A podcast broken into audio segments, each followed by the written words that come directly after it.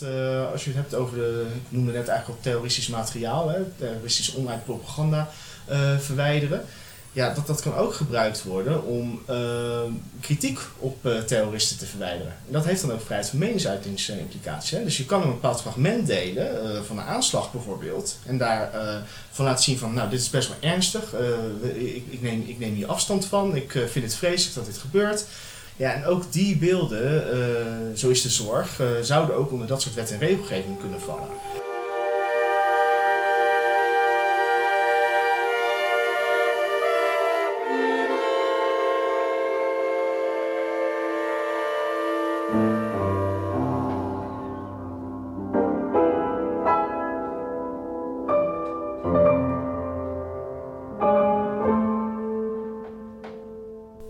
Beste luisteraars bij Onder Professoren.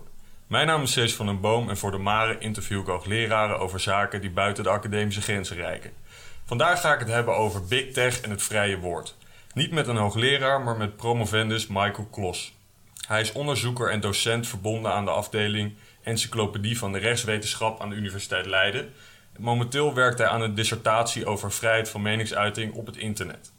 Meneer Klos, welkom in de uitzending. Heel erg bedankt voor de uitnodiging.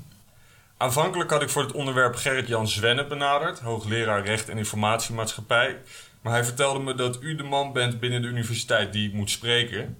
Eh, vrijheid van meningsuiting op het internet. Hoe bent u bij dat onderwerp gekomen? Ja, het was, het was eigenlijk een combinatie van ehm, ja, drie interesses die ik heb. Ehm, ik heb een achtergrond, eh, ooit gestart op het MBO in eh, ICT-beheer. En eh, ja, toen ben ik toch meer de beleidsmatige kant op gegaan. Eh, ben ik aan het HBO gestart met bestuurskunde. En ik vond dit altijd al, technologieregulering, heel erg interessant. Ja, en toen eh, kwam ik uiteindelijk aan de Universiteit Leiden te studeren. En ja, bij, bij eh, de studie rechtsgeleerdheid werd ik gewoon grepen door grondrechten, onder vrijheid van meningsuiting. Dus toen dacht ik op een gegeven moment, ja, hier moet ik iets mee. En ja, toen kreeg ik de kans om hier een proefschrift over te schrijven. En die heb ik natuurlijk met beide handen aangegrepen.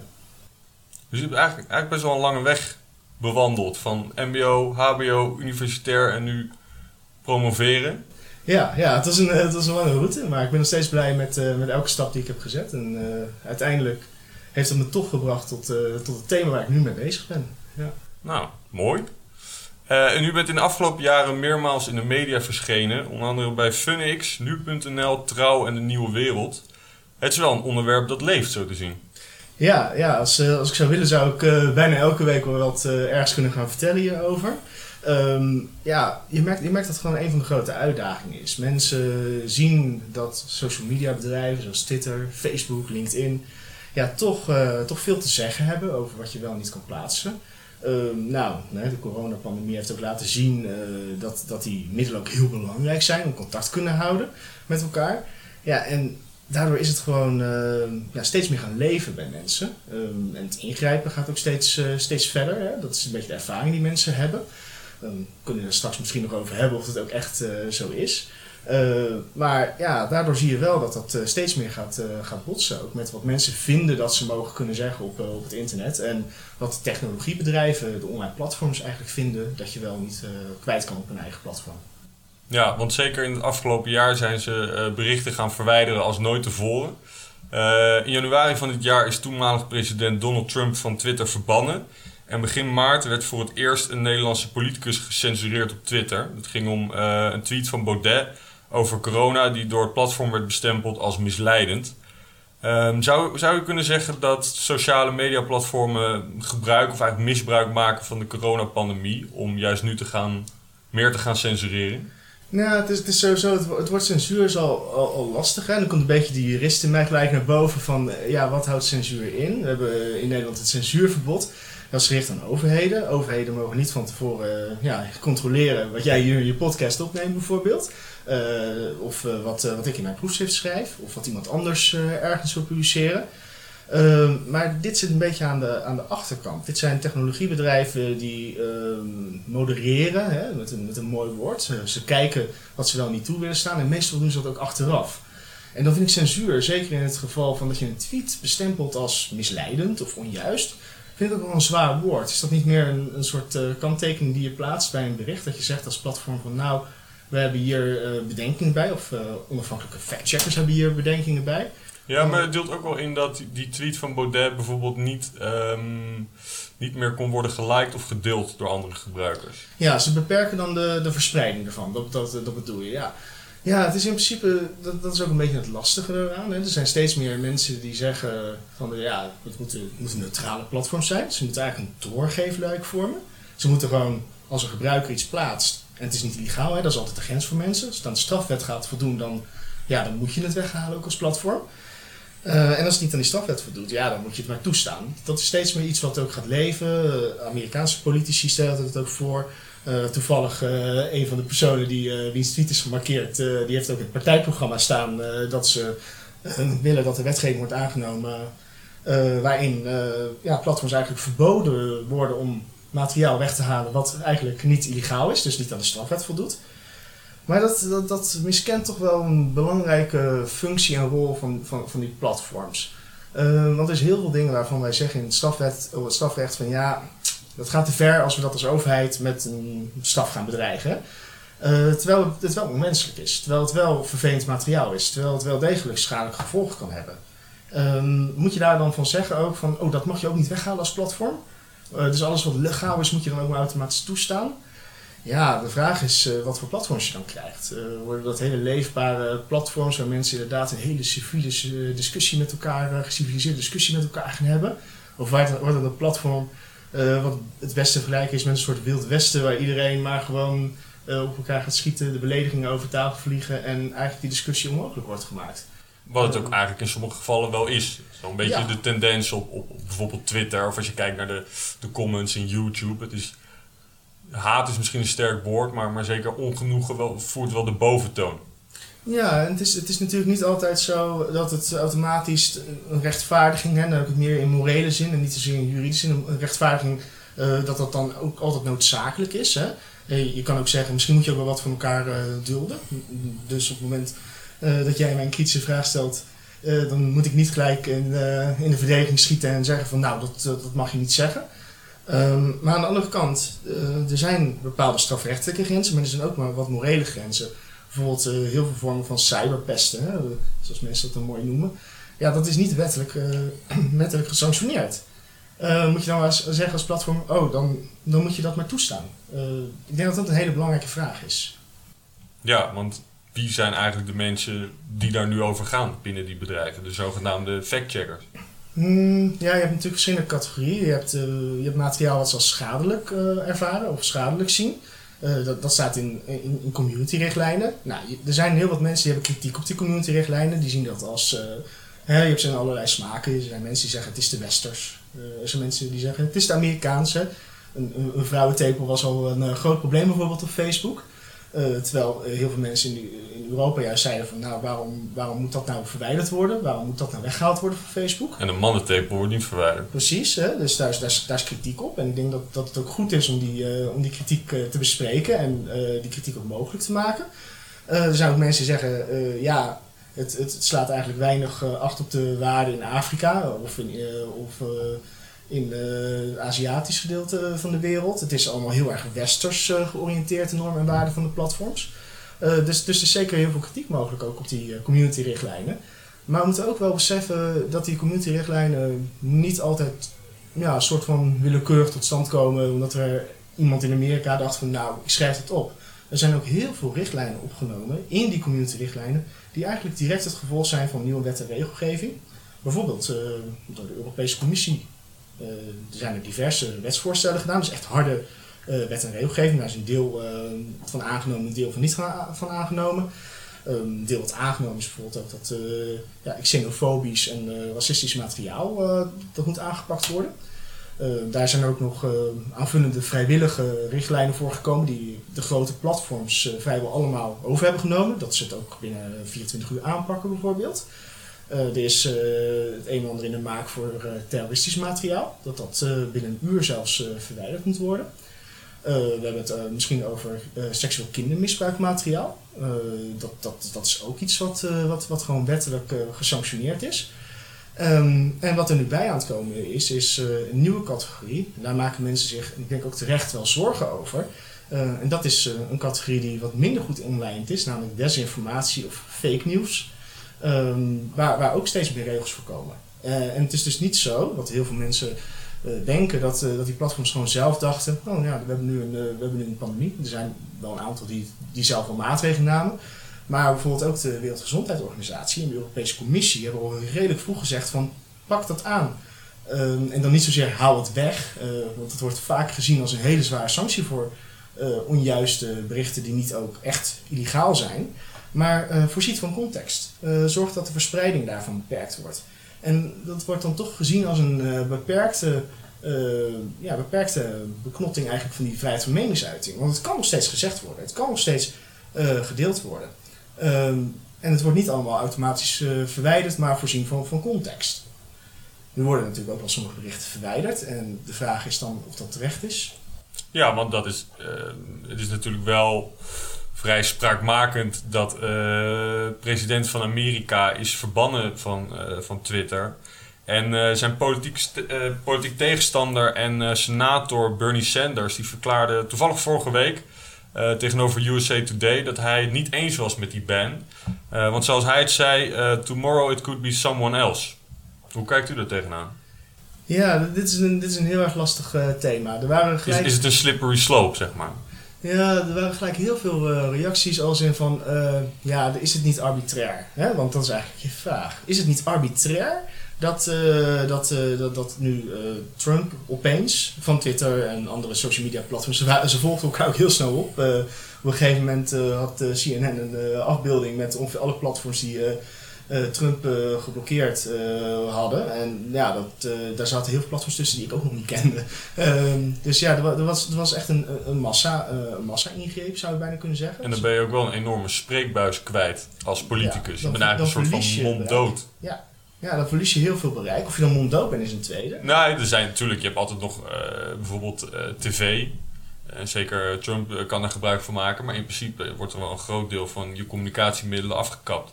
Uh, zijn, zijn Twitter-account was uh, volgens heel veel analisten een heel erg belangrijk middel om, uh, om te communiceren met de achterban. Um, en dat geldt natuurlijk net zo goed voor andere social media kanalen. hij was ook in inkomsten geraakt, omdat een aantal webshops ook hadden gezegd: wij gaan geen merchandise meer verkopen voor de Trump-campagne. dus ja, de, dat, dat daar grote gevolgen aan vast zaten, dat is zeker waar. Dan is een tweede vraag, uh, moet dat dan kunnen? Uh, ook in de Europese Unie waren er een aantal regeringsleiders die gelijk zeiden van dit moet aan onafhankelijke rechter gelaten worden. Dit moet je niet overlaten aan online platforms, dit moet je overlaten aan onafhankelijke rechter. Ja, de situatie in de Verenigde Staten is in principe, we hebben enerzijds natuurlijk het eerste amendement van, de, van de Amerikaanse grondwet. ja, daar, daar is eigenlijk een hele, hele brede discretie uh, toegekend uh, aan, aan, aan burgers en ook bedrijven dus um, in, in de Verenigde Staten, uh, waarin ze zelf kunnen bepalen wat ze wel en niet toestaan. Um, en er wordt nu gelijk heel erg aangevallen op bepaalde regelgeving. Sectie 230 was opeens trending zelfs op Twitter in de Verenigde Staten. omdat dat de bedrijven zou immuniseren voor dergelijke, dergelijke beslissingen. Maar het is daar veel fundamenteler dat ja, private partijen hebben daar gewoon best wel veel ruimte om te eh, besluiten wat ze wel en niet willen toelaten. In de Europese Unie uh, ligt, dat, uh, ligt dat wat complexer. Hè? je, je kan, terwijl het in de Verenigde Staten weliswaar door die sectie 230 heel, heel snel eigenlijk onmogelijk wordt gemaakt om een civiele rechtszaak te beginnen, wordt gelijk gezegd, ja, maar de wetgever heeft gewoon besloten dat voor dergelijke beslissingen eigenlijk dat platform immuun is. Dus je kan niet eens civielrechtelijk die zaak aanbrengen. Eh, voor strafrecht en dergelijke zijn wel uitzonderingen. Ehm, maar uh, in uh, de Europese Unie, je, kan, je kan naar de rechter stappen in Nederland. dat, dat hebben ook een aantal mensen gedaan.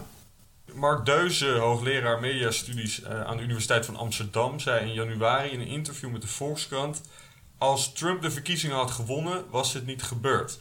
Klopt dat, dat techbedrijven ook eigenlijk hun eigen politieke en economische agenda hebben?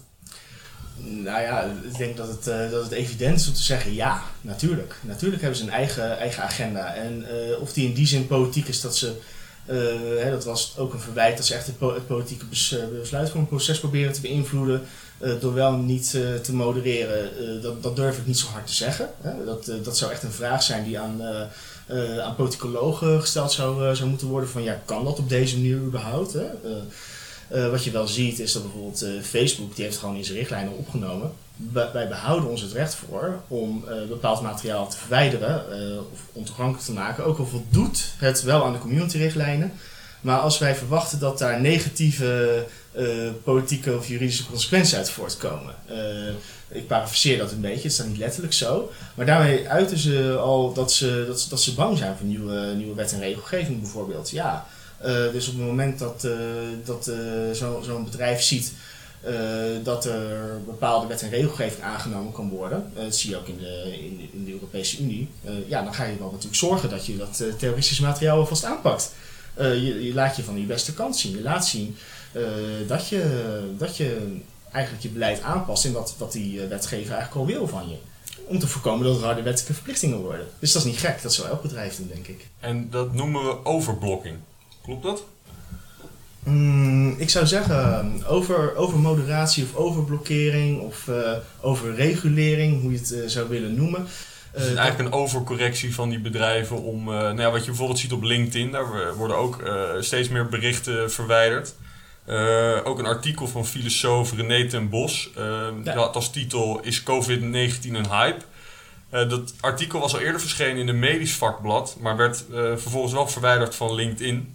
Dat lijkt toch wel een voorbeeld van overblokking.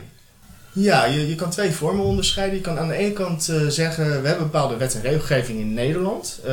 en die uitingswetgeving is niet altijd even, even duidelijk. En daar kan een bepaalde incentive van uitgaan, een bepaalde stimulans van uitgaan, om dan maar aan de veilige kant te gaan zitten. Dus dan hou je als bedrijf expres iets weg waarvan je niet zeker weet of het eigenlijk illegaal of onrechtmatig is. In eigenlijk ja, het, uh, met het idee van ja, wat nou als het toch zo is, ja, dan zijn we in ieder geval niet aansprakelijk. Dat is een vorm van overblokking. Maar je hebt ook dat, uh, dat bedrijven die hebben gewoon mensen in dienst. En die mensen die moeten ook bepaald materiaal beoordelen. Soms gebeurt dat zelfs ook met computers. Die beoordelen dan automatisch bepaalde berichten of sleutelwoorden bijvoorbeeld. Ehm, en dat kan ook valse positieve geven. Dus je kan ook hebben dat eigenlijk de regels van de bedrijven zelf te strikt worden uit, uitgelegd. En dat was in dit geval uh, ook zo. Hè?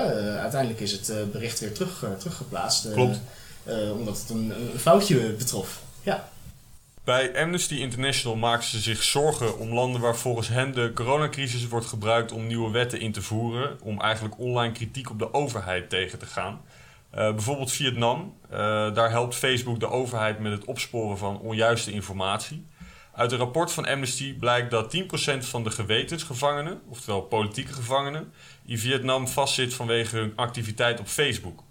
Volgens Amnesty doen bedrijven als Facebook en Google hieraan mee omdat ze actief willen blijven in die landen.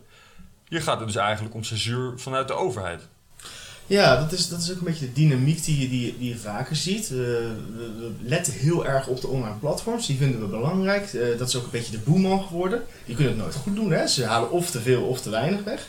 Maar je ziet dat er ook heel veel landen zijn die um, ja, eigenlijk steeds strengere wet en regelgeving aannemen. Uh, Vietnam, um, ook Turkije heeft een hele strenge wetgeving aangenomen. daar verzetten de technologiebedrijven zich dan in eerste instantie tegen om later toch weer overstag te gaan, uh, om, omdat ze toch op een bepaalde markt uh, willen blijven. Um, en dan is het ook wel belangrijk om te realiseren dat het echt niet uh, alleen maar in andere, andere gebieden zo is hoor. In de Europese Unie is er ook best wel ja, ja, vergaande. Ik zeg niet dat het te ver gaat, maar wel als je nu kijkt naar de regelingen, vergaande maatregelen worden voorgesteld om eigenlijk de bedrijven verantwoordelijk te kunnen, kunnen houden voor het te veel en te weinig weghalen. Um, en dat, dat wordt ook best wel kritisch ontvangen. Bijvoorbeeld uh, als je het hebt over de, ik noemde net eigenlijk al terroristisch materiaal, hè, terroristisch online propaganda uh, verwijderen. Ja, dat, dat kan ook gebruikt worden om uh, kritiek op terroristen te verwijderen. En dat heeft dan ook vrijheid van meningsuitingsimplicaties. Dus je kan een bepaald fragment delen, van een aanslag bijvoorbeeld, en daar van laten zien van, nou, dit is best wel ernstig, ik, ik, neem, ik neem hier afstand van, ik vind het vreselijk dat dit gebeurt. Uh, dat kan het propagandamateriaal, hè, dat kan het van, allerlei soorten, soorten beelden. Ja, en ook die beelden, uh, zo is de zorg, uh, zouden ook onder dat soort wet en regelgeving kunnen vallen. Nou, nu is het natuurlijk veel extremer in, in, in, in het voorbeeld wat jij ook net noemt, hè, dat de gewetensbezwaren de, ja, eigenlijk worden vastgezet en dat social media bedrijven, online platforms, daar actief aan meewerken. Het is eigenlijk een heel machtig middel voor de overheid om ja, toch wel andersdenkenden op te sporen. Ja, ja het, is, het is altijd iets dat, dat mensen zich, zeker als ze onder een Ehm, ja, andere naam actief zijn. Hè? Dat, dat ze zich bijna anoniem wanen. Of zelfs helemaal anoniem wanen. En dat is toch niet altijd het geval. In oktober van 2020 had Zondag met Lubach een item over het zogenaamde fabeltjesfuik. Het algoritme dat bepaalt welke content de gebruiker krijgt voorgeschoteld. We gaan even luisteren naar een fragment. Dat is hoe het werkt, dat is het algoritme. Maar wat blijkt nou? een van die dingen waar mensen het allerliefst op klikken, dat zijn krankzinnige verhalen op het randje van wat ze nog kunnen geloven. Dus als jij denkt, zou het virus wel echt zijn? Dan klik je heel snel op een filmpje dat zegt, het virus is nep. En als je dat eenmaal hebt gekeken, staat er een filmpje klaar met... het virus is bedacht door Bill Gates. En dan klik je natuurlijk daarop. En niet op het saaie filmpje met als titel... we weten nog weinig van het virus, maar het is helaas wel in drie uur uitgelegd... door een timide promovendus met een irritant accent. Dat, dat doe je niet. Dus mensen klikken sneller op de gekste, drukste filmpjes. Maar het algoritme ziet ook dat daar dan weer de meeste reacties op komen. Dus die duwt die gekke filmpjes nog eens extra omhoog. Zo graven ze onbedoeld een tunneltje voor je waar je steeds dieper in vast komt te zitten. Het algoritme zou op die manier complotdenken in de hand werken. Zijn de techbedrijven de controle over hun eigen algoritme kwijt? Uh, ja, het, lastige is, uh, is hier dat, uh, dat je inderdaad ziet. Hè? Er zijn nu diverse, diverse onderzoeken geweest.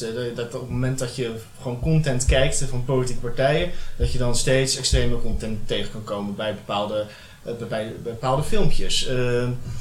En daar zie je eigenlijk weer twee reacties op. Hè? Er zijn mensen die zeggen dat is erg, moet worden aangepakt. en er zijn mensen die zeggen, ja, maar als dat nou materiaal is wat wordt aanbevolen door een platform, ja, gebruikers moeten dan zelf nadenken. En die kunnen zelf echt wel zien uh, wat, uh, wat wel en niet, niet klopt.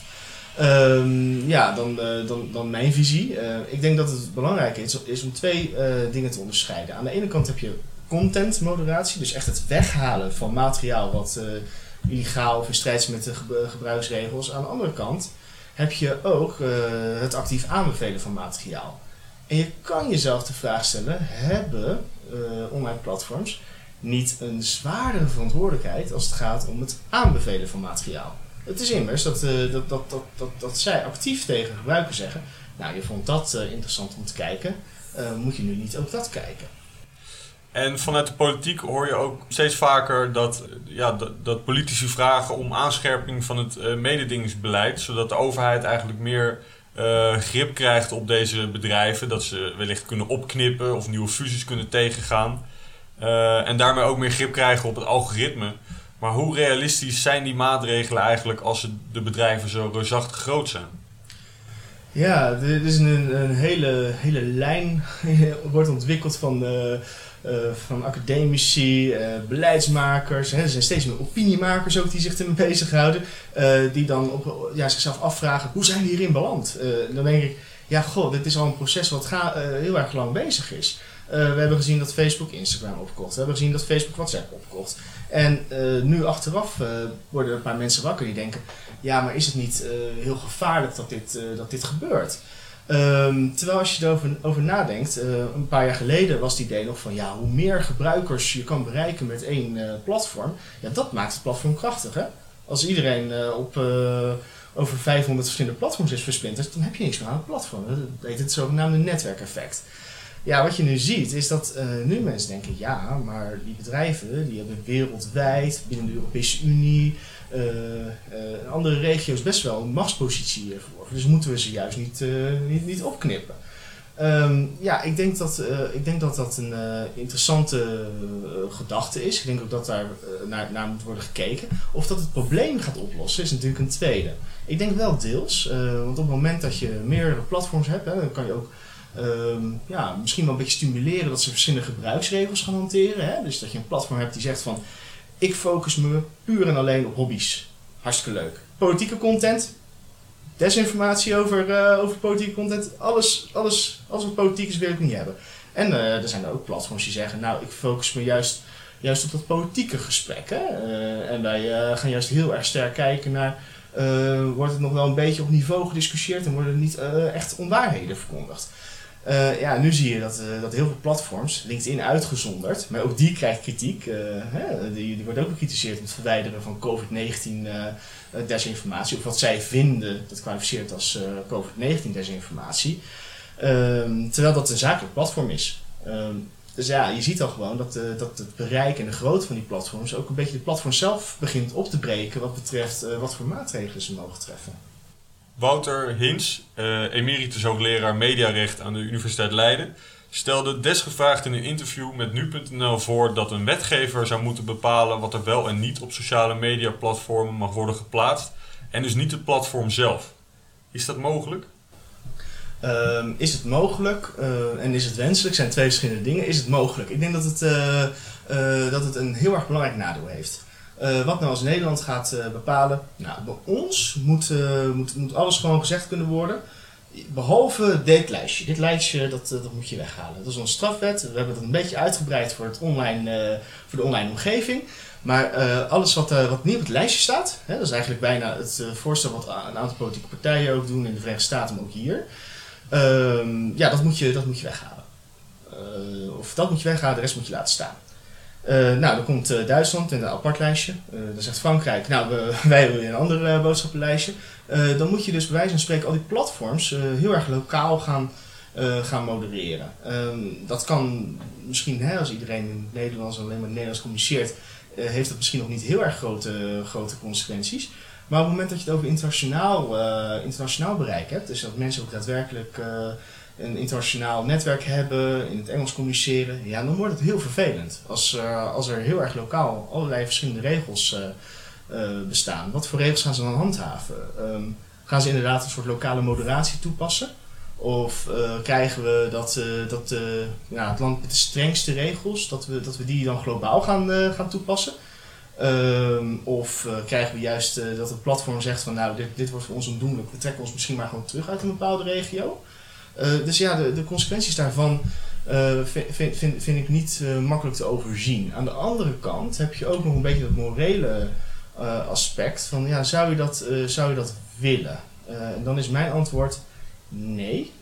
om het simpele feit dat ik net ook al, hè, wat ik net ook al aangaf, het, is juist rijk als je heel veel verschillende platforms krijgt die ook een beetje pluriforme regeltjes hebben. Dus dat we juist ruimte laten aan de platforms om accent te leggen op het gesprek uh, wat zij willen, willen, willen, accommoderen, wat zij willen toestaan. Um, en met hele generieke regels van ja, alle platforms uh, moeten hieraan voldoen. Of alle online platforms van een bepaalde grootte moeten hieraan voldoen. Ja, dan, uh, dan wordt het heel lastig. en ja, dan kan je ook geen LinkedIn hebben die meer zegt ik wil zakelijke berichten en een hobbywebsite en iets anders. want als je dan ja, te groot wordt, dan moet je alles toestaan.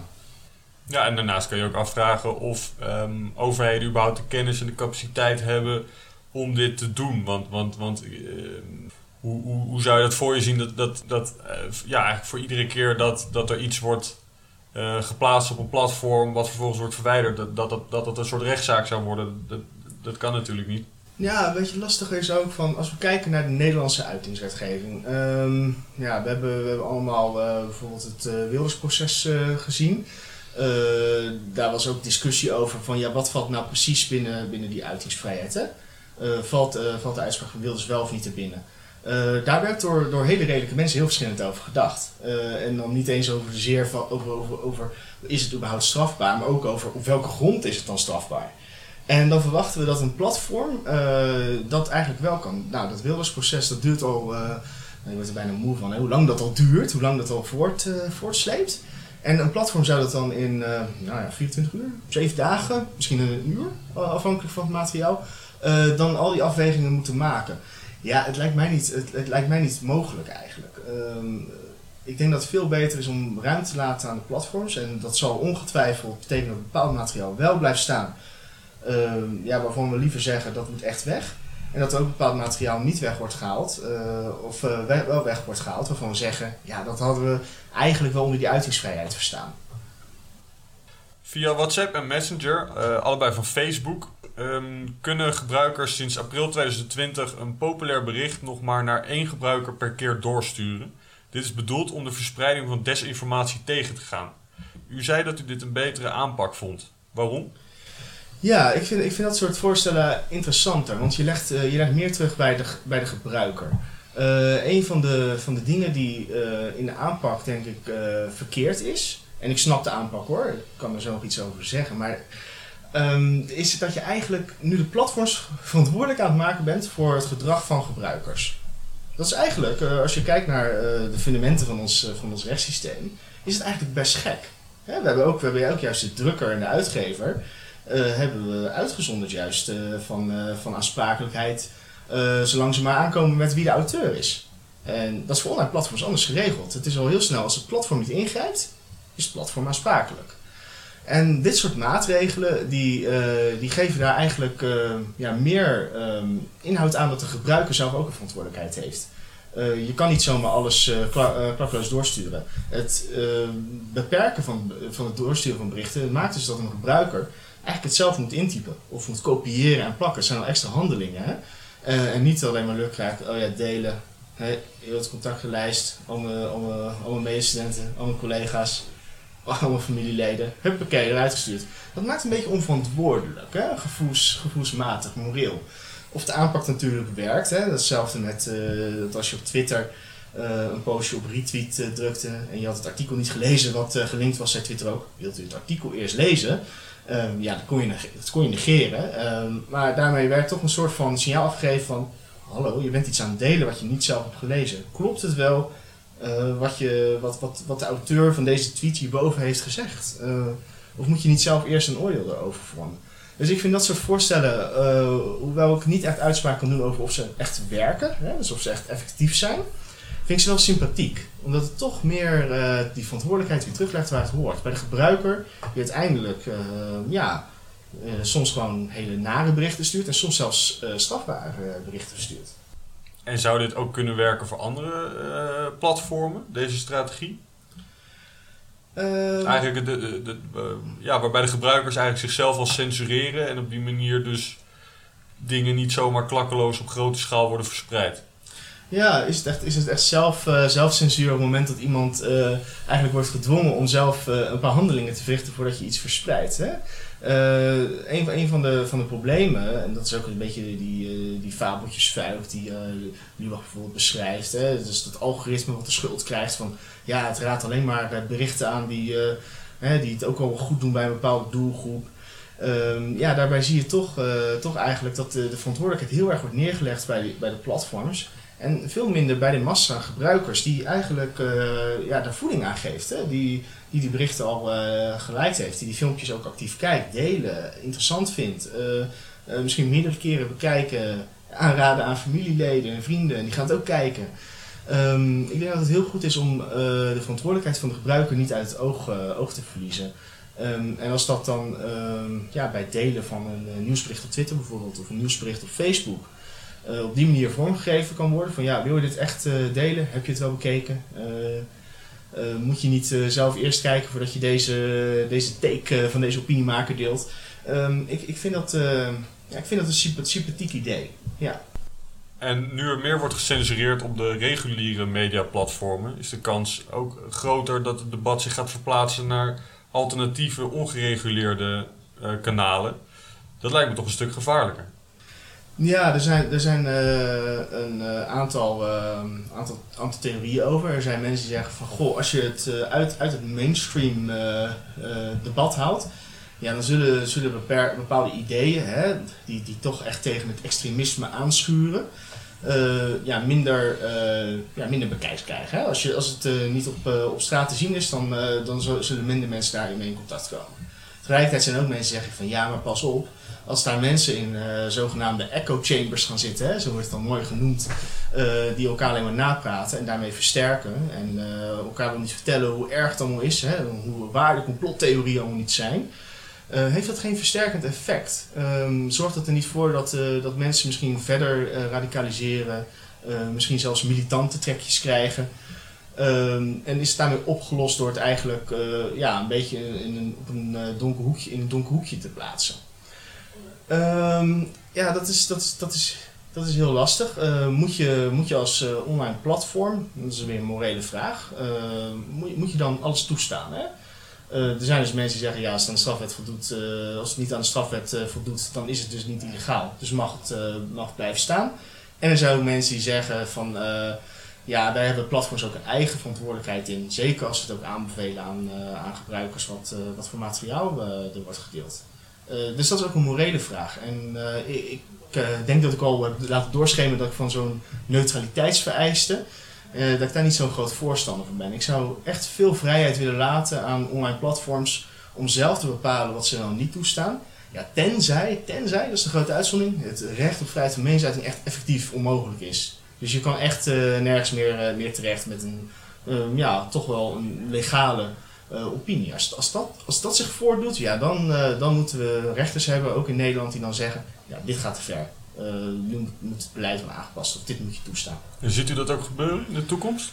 Um, nou, je ziet wel dat er nu wat meer over, over geprocedeerd wordt. Hè.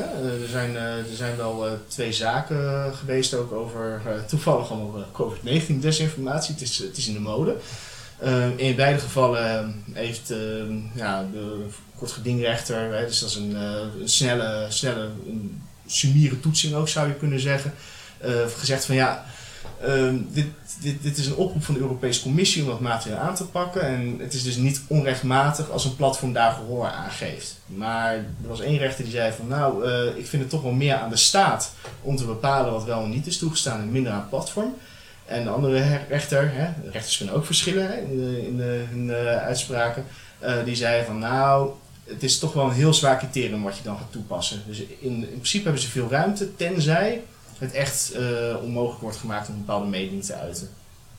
Meneer Klos, bedankt voor uw bijdrage aan deze podcast. Uh, tot zover deze uitzending van Onder Professoren, of zoals onze pedel zou zeggen, Hora Est.